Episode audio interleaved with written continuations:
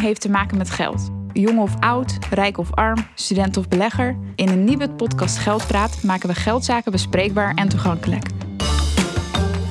Wat betekent werkloosheid voor je geldzaken? Hoe maak je een begroting? En hoeveel kost thuiswerken? Dat en nog veel meer hoor je in Geldpraat. Hoi, welkom bij Geldpraat. Mijn naam is Max. We gaan het vandaag hebben over de koopkracht. Deze week was de koopkracht namelijk veel in het nieuws en dan vooral dat die eigenlijk voor iedereen achteruit gaat. Daarom zit ik hier met mijn collega Marjan.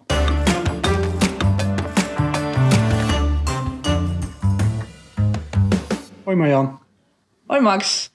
Ja, ik ben inderdaad gevraagd om even wat over de koopkracht te vertellen. Ik zit nu vier jaar bij het Nibud. Hou me daar dus ook veel mee bezig. Nou, ben benieuwd.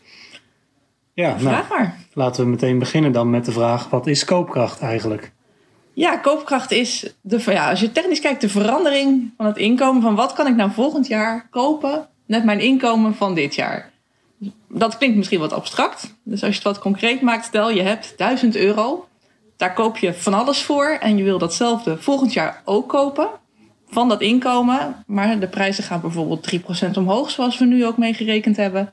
Dan heb je dus eigenlijk 30 euro meer nodig om hetzelfde te kunnen kopen van die 1000 euro. Maar als het inkomen niet toeneemt, heb je dus een koopkrachtverlies. Ah ja. Maar waarom berekent het niet dan, dan eigenlijk? Als voorlichting. Want het Centraal Planbureau maakt ook koopkrachtcijfers. En die hebben dan van die uitkomsten. Als werkenden gaan er zoveel procent op vooruit. Maar mensen verschillen van elkaar. Je kan een werkende zijn die net begint. Of een partner heeft die ook werkt. En wij gebruiken dan voorbeeldhuishoudens. En dan kijken we wat betekent het nou voor specifieke huishoudens.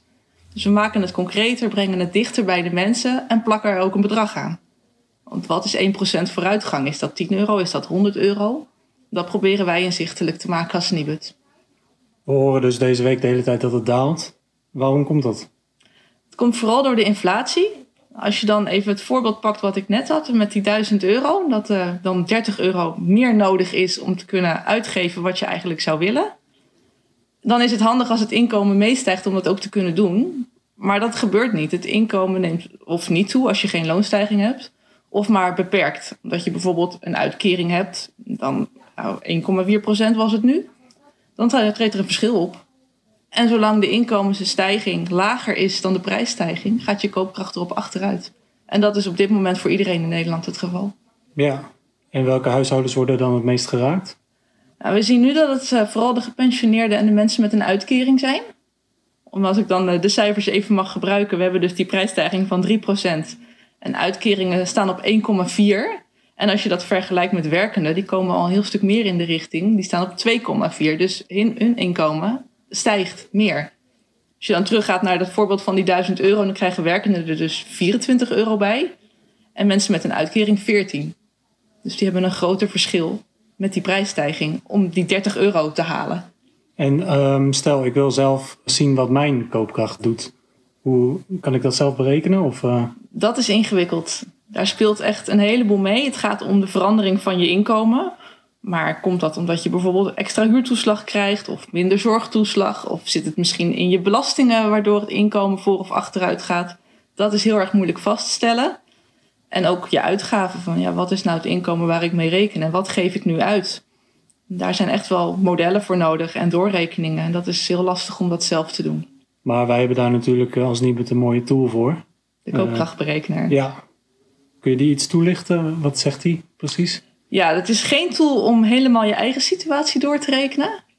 Maar wij rekenen de koopkracht voor 117 voorbeeldhuishoudens uit. Wat ik ook net zei, we proberen het daarmee wat inzichtelijker en concreter te maken. En die resultaten zetten we in de tool. En mensen kunnen dan zoeken van welk huishouden past nou het meest bij mijn situatie. En sinds deze keer is het ook nieuw dat mensen kunnen aangeven: heb ik wel of geen loonstijging? En die situatie kunnen ze dan in de tool opzoeken voor het huishouden wat het meest op hun situatie lijkt. Ja. Maar het is niet de eigen situatie. Nou, misschien een iets meer technische vraag, maar hoe bereken je precies dan de koopkracht? Of hoe berekenen jullie dan eigenlijk dus de koopkracht? Ja, dat is inderdaad een vrij technische vraag. Ik ga kijken of ik hem simpel uitgelegd krijg. Het gaat ten eerste om de verandering van het inkomen. En dat kan komen door belastingen. Dus wij kijken van wat verdient iemand nu bruto. Daar halen we een pensioenpremie af. En dan hou je een inkomen over. Dat noemen ze dan het belastbaar inkomen. Daar gaan een heleboel heffingskortingen van af. Belastingen betaal je daarover.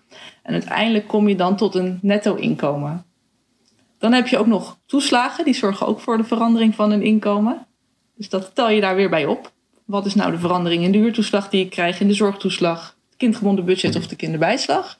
En dan kom je tot je netto inkomen. Dat is één deel van de koopkracht. Deel 2 zijn de uitgaven. En daarbij gaan we ervan uit dat je het inkomen van, nou laten we nu zeggen 2021, volledig uitgeeft.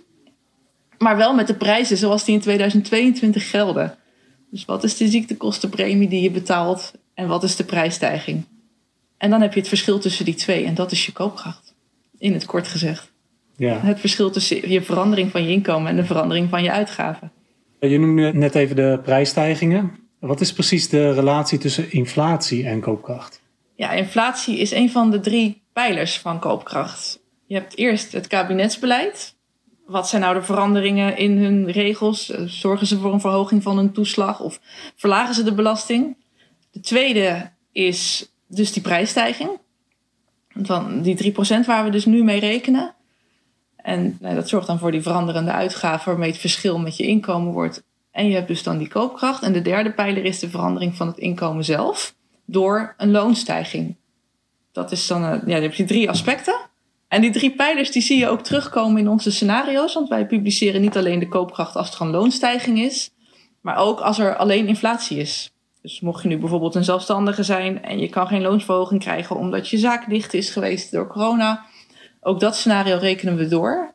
En dan is uiteraard het effect van de inflatie wat groter.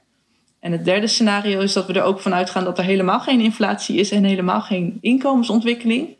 Niet realistisch, dat zal nooit voorkomen, maar het laat wel zien wat nou het effect van het kabinetsbeleid is.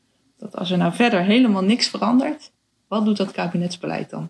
Klinkt uh, vrij ingewikkeld inderdaad. Ja, dat is het wel, ja. Uh, wat zou de politiek kunnen doen om de koopkracht te verhogen voor kwetsbare groepen of in het algemeen? Nou wat op dit moment gebeurt, zien we bij gemeenten. Die hebben een extra energiecompensatie in het leven geroepen voor mensen met kwetsbare inkomenspositie. Die kunnen 200 euro extra krijgen. Kijken of ze daar recht op hebben. Maar ook het verhogen van het minimumloon is iets waar we als Nibud eh, toe oproepen. Dat is echt nodig. De bijstandsuitkeringen voldoende verhogen. Dus, en dat kan op verschillende manieren. Dat kan eh, door belastingen te verlagen of echt het bedrag van die uitkering te verhogen. Ja, en er is natuurlijk nu een nieuw eh, kabinet. Dus, Daar staan wat van die plannen in. Inderdaad, de verhoging van het minimumloon, de verhoging van de bijstandsuitkering zijn voorgenomen plannen. Nou ja, dan, uh, en die gaan wij doorrekenen. Dus, uh, Klopt, daar ben ik momenteel druk mee bezig. Daar komen we binnenkort ook in Geldpraat op terug. Nou, Marjan, bedankt dat je wilde aanschuiven. En ja. ik hoop dat iedereen het leerzaam vond.